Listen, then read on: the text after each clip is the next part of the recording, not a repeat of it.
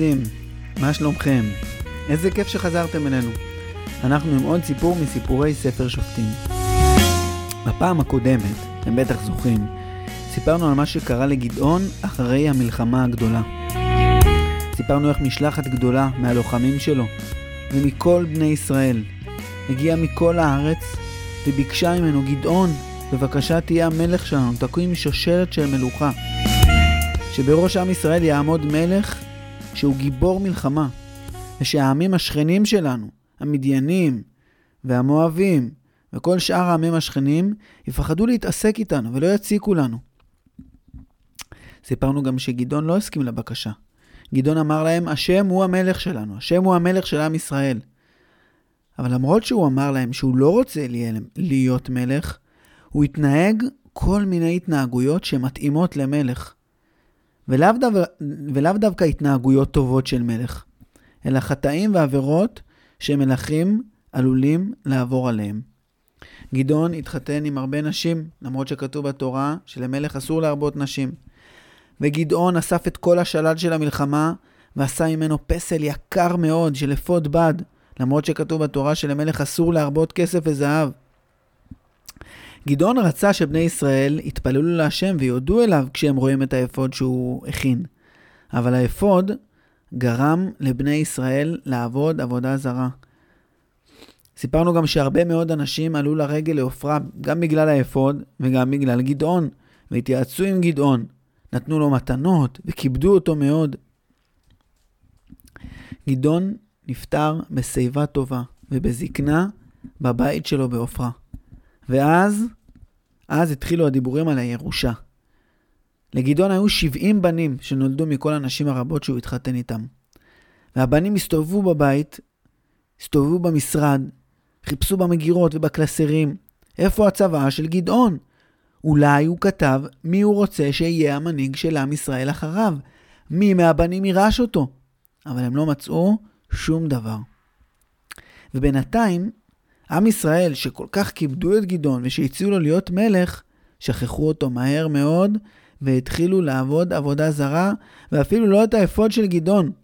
בני ישראל עבדו לאלוהים אחרים שקוראים לו בעל ברית.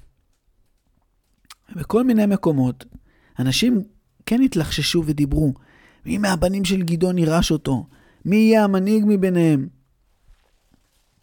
אתם בטח זוכרים שכשסיפרנו על המשפחה של גדעון, הזכרנו שלגדעון היה בן אחד, שהאחים שלו, שכל 69 האחים שלו, לא כל כך אהבו, והם הציקו לו, וצחקו עליו. הבן הזה היה בן של אישה שהיא לא בדיוק הייתה אשתו של גדעון. היא לא גרה איתו בבית בעופרה. היא גרה בעיר אחרת, בשכם. היא הייתה הפילגש של גדעון. לבן שנולד לגדעון ולפילגש השכ... משכם קראו אבימלך. והאחים של אבימלך קצת חששו ממנו וקצת קינאו בו, והרבה הציקו לו וצחקו עליו ולעגו לו. ובאמת, אחרי שגדעון נפטר, אבימלך הסתובב ברחובות העיר שלו, שכם, ודמיין את עצמו עומד בהר גבוה, כשכל אנשי העיר הולכים אחריו ומקשיבים לו, והוא מוביל אותם לקרב, ואז הוא מנצח בקרב הזה, ועולה לנאום, וכולם מקשיבים לו, ממש דמיין את עצמו ככה כמנהיג, גיבור ומוערך, כמו אבא שלו.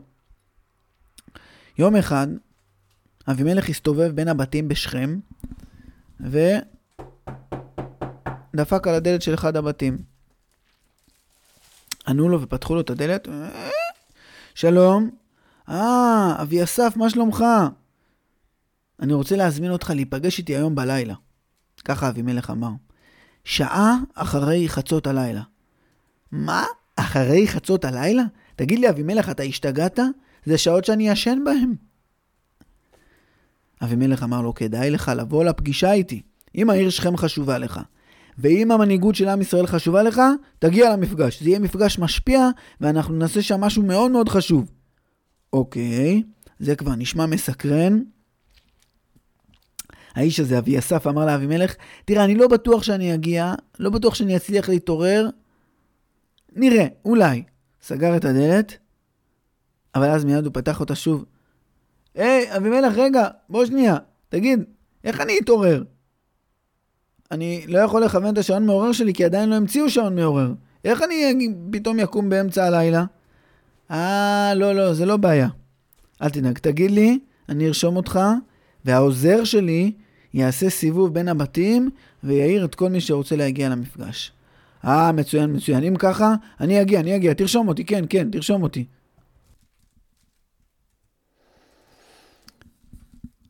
וככה אבימלך הלך לעוד בית ועוד בית, ועבר כמעט בכל הבתים בעיר שכם.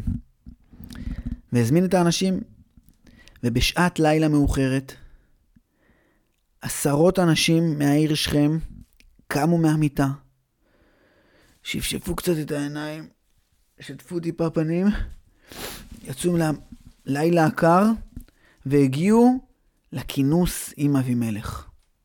היה שם חשוך מאוד, ואחד האנשים אמר, אבימלך, אה, יש לי לפיד, אתה רוצה שאני אדליק אותו רגע? לא, לא, לא, לא, לא, לא, לא. זה מפגש סודי. לאף אחד אסור לדעת על המפגש הזה. כל מי שפה לא מגלה את זה לאף אחד אחר. הבנתם? אבימלך דיבר נורא בשקט.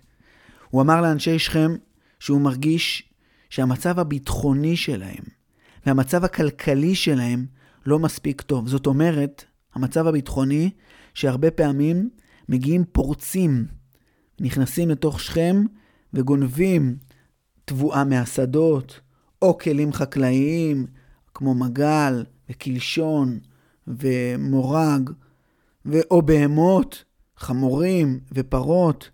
גונבים להם הרבה פעמים, וקשה קשה להתפרנס, קשה לגדל תבואה. ולכן גם המצב הכלכלי לא מספיק טוב, אין, אין, אנשים מרגישים שאין להם מספיק כסף, ואין להם מספיק אוכל, ומתאמצים ומגדלים, ומשקיעים, אבל בסוף גונבים להם את זה.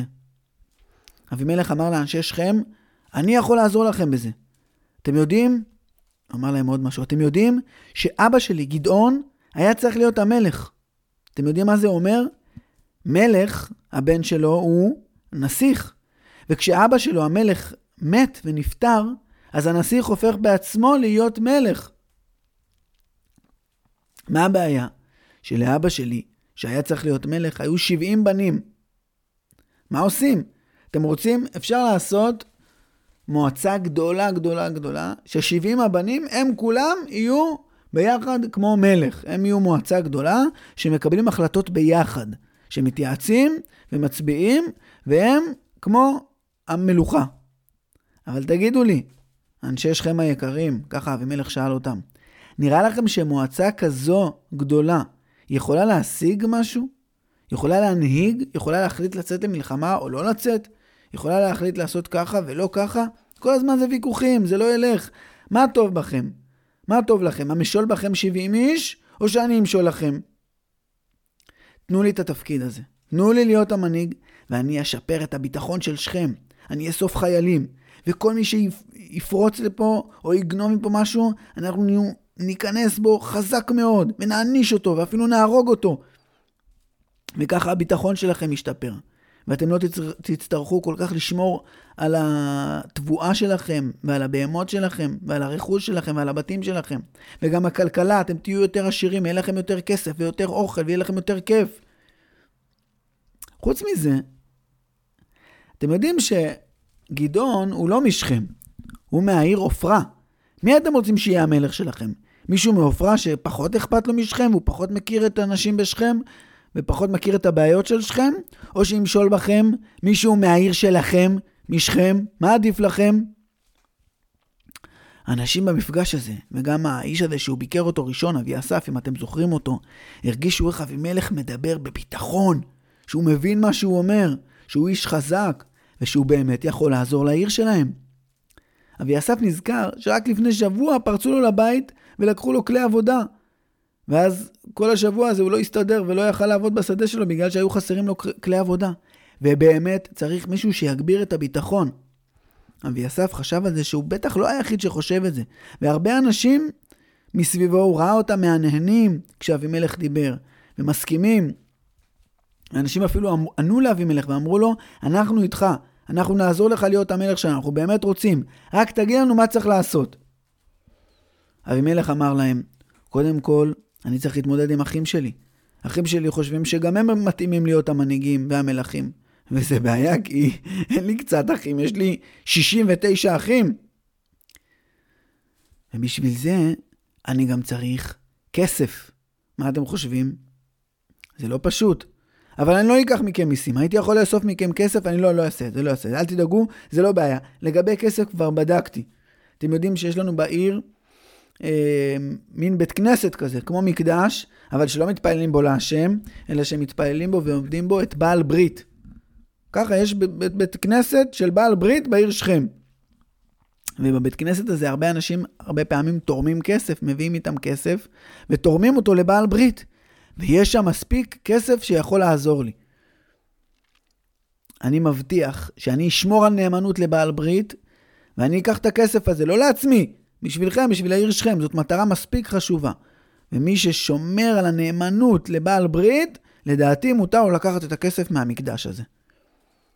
הכהן של המקדש של בעל ברית, שהוא היה אחראי על הכסף הזה ועל כל התרומות, היה שם, בין האנשים שהגיעו באמצע הלילה למפגש עם גדעון, אה, סליחה, למפגש עם אבימלך, והוא אמר לאבימלך, אין בעיה, מיד אחרי שנסיים כאן, אני הולך איתך, יש לי פה את המפתחות, אני אתן לך את כל הכסף שנמצא במקדש של בעל ברית. ובאמת ככה קרה, הסתיים המפגש. כל האנשים הלכו לבתים שלהם, הלכו לישון, הם הלכו קצת שמחים, הם הרגישו שהם, שמשהו טוב הולך לקרות בעיר שלהם, שכם. כל אחד, וגם, אתם זוכרים, סיפרנו על אבי אסף, האיש הראשון שהוא הזמין אותו, נכנס הביתה שלו עם חיוך, נכנס למיטה ונרדם תוך שנייה. אבל אבימלך, אבימלך לא הלך לישון. אבימלך הלך עם הכהן לבית בעל ברית, ולקח את הכסף. וגם אחרי שהוא לקח את הכסף, והיה כבר מוכן, הוא עדיין לא הלך לישון. הוא הסתובב בסמטאות של שכם, וראה כל מיני אנשים קצת מוזרים וקצת מפחידים שישנים ברחוב. וכל אדם כזה שהוא ראה, אבימלך נתן לו מטבע ואמר לו, בוא איתי, בוא אחריי. הוא גם יצא אפילו מחוץ לעיר שכם, שזה היה נורא נורא מפחיד. לעיר שכם הייתה חומה, והיה שער. אף אחד לא העז לצאת באמצע הלילה מחוץ לעיר, זה היה מסוכן, היו שם שודדים. אבל אבימלך לא פחד. והוא יצא, והוא דווקא חיפש את השודדים. חיפש את כל האנשים שמסתובבים בחוץ, ולא ישנים בבתים שלהם. ועוד אחד, ועוד אחד, ולכל אחד נתן מטבע מהכסף שהוא לקח מהמקדש של בעל ברית, ואמר, בואו תצטרפו אליי. אחרי סיבוב של איזה שעתיים, היו איתו בערך 200 אנשים, כולם הקשיבו לו, זה היה כבר לפנות בוקר, אבימלך אמר להם, מחר בלילה, קצת אחרי חצות, שעה אחרי חצות הלילה, אני רוצה שניפגש, כל מי שנמצא פה, שיבוא למפגש. יש לי דרך לעזור לכם, כדאי לכם לבוא. יש לי עוד הרבה כסף לשלם לכם. אנשים שמעו כסף, באו, רצו לבוא. יום למחרת, אחרי שהערב ירד ונהיה חושך בשכם, אבימלך יצא מהעיר שכם והלך לעיר השכנה, לעיר שליד שכם קראו טבץ, וגם שם הוא אסף עוד אנשים, והוא הלך לעוד עיר ולעוד עיר, ואסף איתו, ובסופו של דבר היו איתו כמה מאות אנשים, אני יודע, אולי 300, אולי 400 אנשים, וכל האנשים האלה נפגשו עם אבימלך באמצע הלילה. אבימלך הגיע, מחזיק תיבת עץ כבדה וגדולה, הניח אותה על הרצפה. הוא דפק עליה. חברים, יש לי פה תיבה מלאה במטבעות זהב. אני צריך אתכם. אני צריך את העזרה שלכם. יש לי אנשים, יש אנשים רעים, אויבים שלי, שרוצים להרוג אותי. אני מבקש מכם, תעזרו לי להילחם איתם, תעזרו לי לנצח אותם, ואני אפתח את התיבה הזאת ואדאג לכל אחד מפה לכמה מטבעות יקרים וטובים. מי שמוכן, אנחנו יוצאים עכשיו. אם יש לכם חרב, או סכין, או מקל, או אבנים, או כל הכלי הלחימה שלכם, תביאו איתכם, אנחנו יוצאים עכשיו להליכה ארוכה. היעד שלנו הוא הוא אמר את זה בלחישה. הוא... אף אחד, אף אחד מבחוץ לא שמע את זה, זה היה באמת בשקט, בשקט בשקט. אולי אתם, ילדים, מנחשים מה היעד שאבימלך אמר להם. אבימלך הסביר להם בדיוק את התוכניות שלו, איך הם ילכו ולאן הם ייכנסו.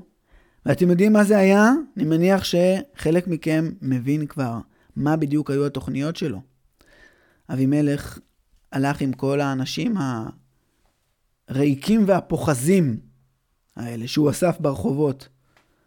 ולא רק אנשים שאין להם כסף ושהם מסכנים, גם אנשים שהם קצת אנשים רעים, שלפעמים מתנהגים באלימות ולפעמים גונבים ושודדים. הוא הלך עם החבורה הגדולה הזאת לבית של אבא שלו, גדעון, שנפטר. והוא הסתובב בין כל הבתים של גדעון, נכנס לכל החדרים, יחד עם האנשים שלו, ממש בכמה דקות. וכולם הרגו כל מי שהם ראו. את כל הבנים של גדעון, את כל 69 האחים של אבימלך, אבימלך והחבורה שלו הרגו. אבימלך לא רצה שהם יוכלו להתחרות איתו על הירושה של התפקיד המנהיגותי, על הירושה של המלכות. ולכן אבימלך, בצורה נוראית, הרג את כל האחים שלו. אחרי שהוא סיים, היה לפנות בוקר, הוא שילם לכל האנשים הריקים והפוחזים שהצטרפו אליו, אבל הוא לא שלח אותם. הוא הציע להם להישאר איתו. מה, בואו איתי לשכם. אנחנו נעשה איזשהו מחנה, אתם תוכלו לישון בו ולאכול בו, ואתם תרוויחו כסף ותישארו איתי. גדעון חזר לשכם, שמח וטוב לב, מאושר. ובבוקר הוא קרא לכל האנשים של שכם, כל מי שהגיע לפגישה הקודמת בלילה, כל האנשים שאמרו לו, אנחנו איתך, אנחנו נעזור לך. ואמר להם, רבותיי, אנשי שכם היקרים, כל הבנים של גדעון מתו, אין לי אחים. הגיע הזמן המתאים למנות אותי לשופט של עם ישראל, למנהיג. קדימה. אנשי שכם ענו לו ואמרו לו, אבימלך, תראה, אנחנו לא שולטים בכל עם ישראל. אנחנו לא יכולים למנות אותך למנהיג ולשופט של כל עם ישראל ביחד. אבל אתה יכול להיות המנהיג שלנו, של שכם, זה מצוין בשבילנו. אנחנו ממש ממש נשמח אם אתה תהיה המנהיג שלנו. מה? רק שכם? אוי, אוף. טוב, בסדר, מה לעשות? אז אני אהיה המנהיג שלכם, של העיר שכם. אולי לאט לאט, אם אני אהיה מנהיג חזק וטוב ורציני, אני אהפוך להיות המנהיג של כל עם ישראל. אנשי שכם עשו אירוע גדול בעץ האלון הגדול שבעיר שכם. וליד העץ אלון שמו שולחנות עם כיבוד, ועם יין, ועם חטיפים, ועם שתייה מתוקה, ועם עוגות, ושרו שירים, ונאמו נאומים, ואמרו איך הם שמחים שלעיר שכם עכשיו יש מנהיג טוב, ושהם מעריכים את המנהיג. ויש לנו סוף סוף ראש, לוחם עומד בראש העיר שלנו, והלוחם הזה יוביל אותנו, ואולי הוא גם יאחד את כל ישראל. שכם זה המקום שכל ישראל יתאחדו כאן, וזה מקום, וכולם שמחו מאוד, והיו מאושרים, והרגישו שהעיר שלהם בידיים טובות. אחרי שהמסיבה הזאת נגמרה, אבימלך דיבר עם כל האנשים הריקים והפוחזים, החיילים שלו, ואמר להם, חיילים יקרים, חיילי אבימלך נקרא לכם. מעכשיו אתם צריכים לשמור על הבית שלי. תעשו משמרות, תקבעו כל פעם כמה שומרים נמצאים ליד הבית, אבל כל הזמן צריכים להיות שומרים ליד הבית שלי, ואתם צריכים להיות מוכנים, כי אנשים בטח ירצו להרוג אותי, לנקום בי. ואתם צריכים להתאמן, להיות חיילים חזקים. גם לעשות אימוני כושר ולחזק את הגוף שלכם וגם לעשות אימונים עם חרב וחנית, וגם לעשות תרגילים, איך כובשים ואיך מנצחים. בקרוב מאוד יכול להיות שיהיו לנו עוד קרבות, ואפילו מלחמות. אבל אל תדאגו, אני אשלם לכל אחד כסף שיהיה לכם, מה זה טוב, כדאי לכם מאוד להישאר איתי. לאבימלך עכשיו כבר היה עוד כסף. לא רק הכסף מהבית, מהמקדש של בעל ברית בשכם, שהוא לקח מהכהן. אבימלך לקח את כל הכסף שנשאר מהירושה של אבא שלו. הוא הרג את כל האחים שלו, ולקח את כל המטבעות זהב, את כל הרכוש היקר שהוא מצא בבית של אבא שלו, גדעון בעופרה. ועם הכסף הזה, הוא יכל לשלם לחיילים שלו. אבימלך חשב שעכשיו יהיה בטח שקט. כל הילדים של גדעון, כל האחים שלו, נהרגו, אף אחד לא יכול להפריע לו. אף אחד לא יכול לאיים על המלוכה שלו. אבל הוא לא, זה שהוא חשב שיהיה לו שקט, לא גרם לו להיות שאנן. הוא לא השאיר את הבית שלו ואת עצמו בלי שמירה. כל הזמן היו שומרי ראש שהלכו איתו, וכל הזמן היו שומרים על הבית ששמרו עליו. כל בוקר, אבימלך היה קם מוקדם בבוקר, ויוצא להליכה ברחובות העיר שכם. הוא הרגיש שזה, ככה יש לו אוויר, זה מחזק אותו לכל היום, וגם בהליכה הזאת, הוא הרגיש שהוא חושב על כל מיני רעיונות, איך לשמור על העיר שכם, ואיך לקדם אותה, ואיך לפתח אותה. יום אחד, תוך כדי שאבימלך, מוקדם מאוד בבוקר, עוד לפני הזריחה, הולך בעיר שכם עם שומרי הראש שלו, פתאום הוא שומע הד של צעקה רחוקה. אבימלך! אבימלך! אתם יודעים שהעיר שכם ממוקמת בין שני ערים. היא בעמק, היא בוואדי. הר גריזים והר עיבל. הר הקללה והר הברכה. והעיר שכם באמצע ביניהם, בוואדי. והצעקה הזאת הגיעה מכיוון ההרים. אבימלך הסתכל, שם את היד מעל העיניים, מצמץ, מצמץ חזק, אה, מי זה קורא לו שם? לא הצליח לראות. והוא שוב ממשיך לשמוע הד, צעקה עם הד כזה. אנשי שכם, הקשיבו, הקשיבו. אנשי שכם, הקשיבו אליי. אני רוצה לספר לכם סיפור. סיפור מעניין מאוד. אבימלך לא הצליח לראות מי זה. הכל היה לו מוכר. אבל זה נשמע קצת מוזר בגלל ההד. רגע, מה זה? זה לא? מה זה? זה יותם! אח שלי! הבן הכי קטן של אבא גדעון!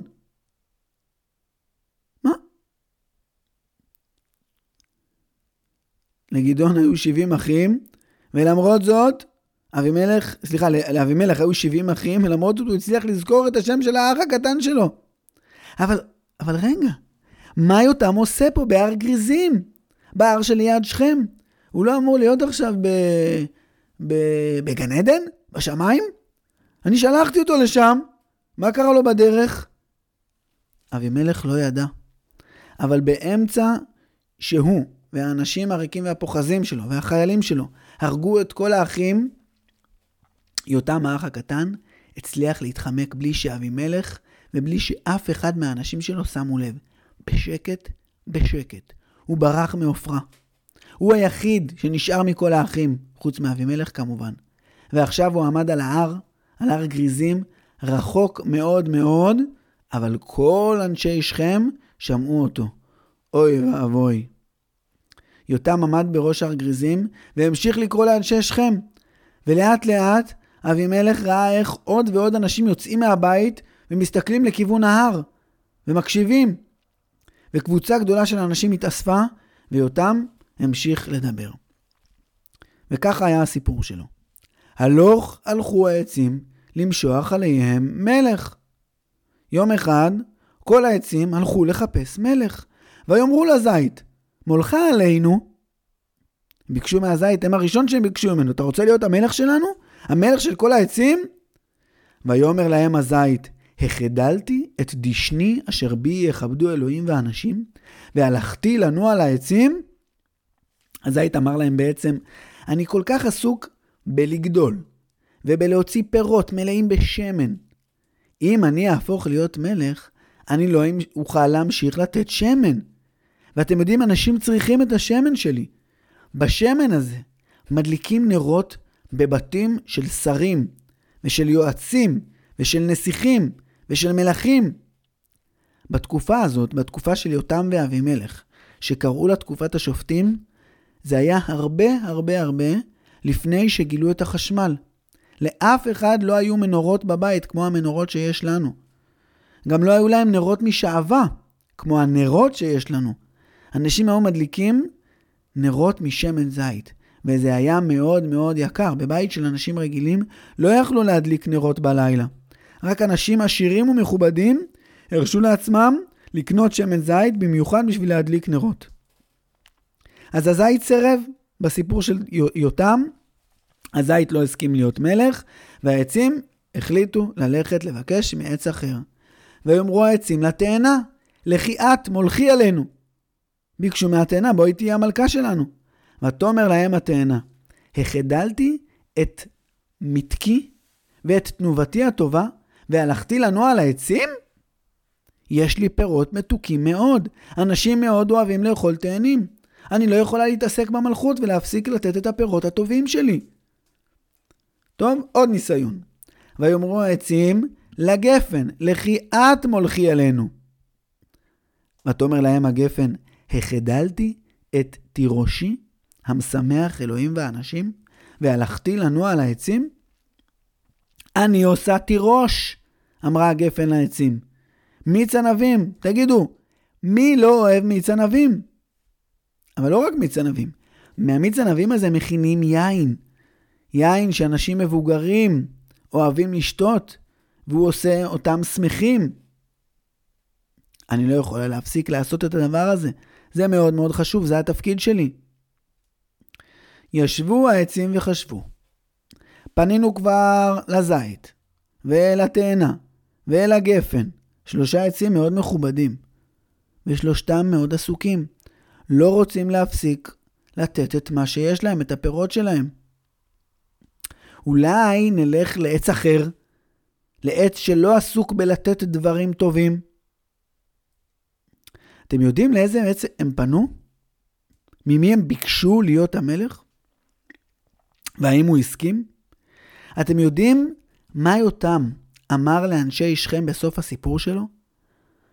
אתם יודעים מה קרה ליותם אחרי שהוא סיים לספר את הסיפור? אתם יודעים מה עלה בגורל אבימלך ובגורל העיר שכם? איך הייתה המלכות של אבימלך?